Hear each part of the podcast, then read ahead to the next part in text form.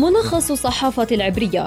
برنامج يستعرض أهم وأبرز العناوين والأخبار في الصحافة الإسرائيلية. ملخص الصحافة العبرية زبدة القيل والقال في صحافة إسرائيل.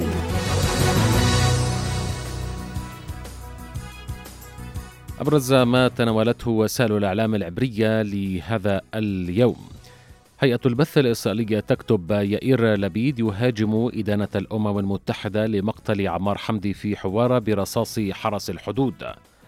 وقائد حرس الحدود يقول عن إعدام حمدي إن المطلوب من الجنود التحييد دون الاعتذار.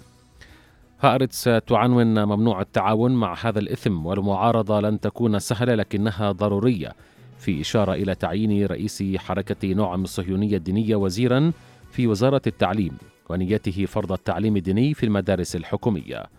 والجيش يقصف أهدافا في قطاع غزة ردا على إطلاق صاروخ الليلة الماضية. وفي هآرتس أيضا وتحت حراسة مشددة الرئيس الإسرائيلي هيرتسوغ يغير برنامج زيارته إلى البحرين اليوم. يديعوت أحرونوت تعنون وتكتب معلمون إسرائيليون يرفضون المواقف الظلامية التي يتبناها آفي معوز تجاه التعليم. ونتنياهو يقول إنه سيشرف عليه شخصيا. وفي يديعوت أحرونوت نتنياهو فعليا عين سموتريتش وزيرا للمستوطنين والفلسطينيين فهل سيتمكن من السيطرة عليه؟ وكيف سيرد بايدن على ذلك؟ إسرائيل لها يوم تكتب عن مقتل الشاب سعيد عمر في كفر قرع وإصابة صديقه بجروح خطيرة. وفي القناة الثانية عشر أفي معوز سيغير شكل التعليم في إسرائيل.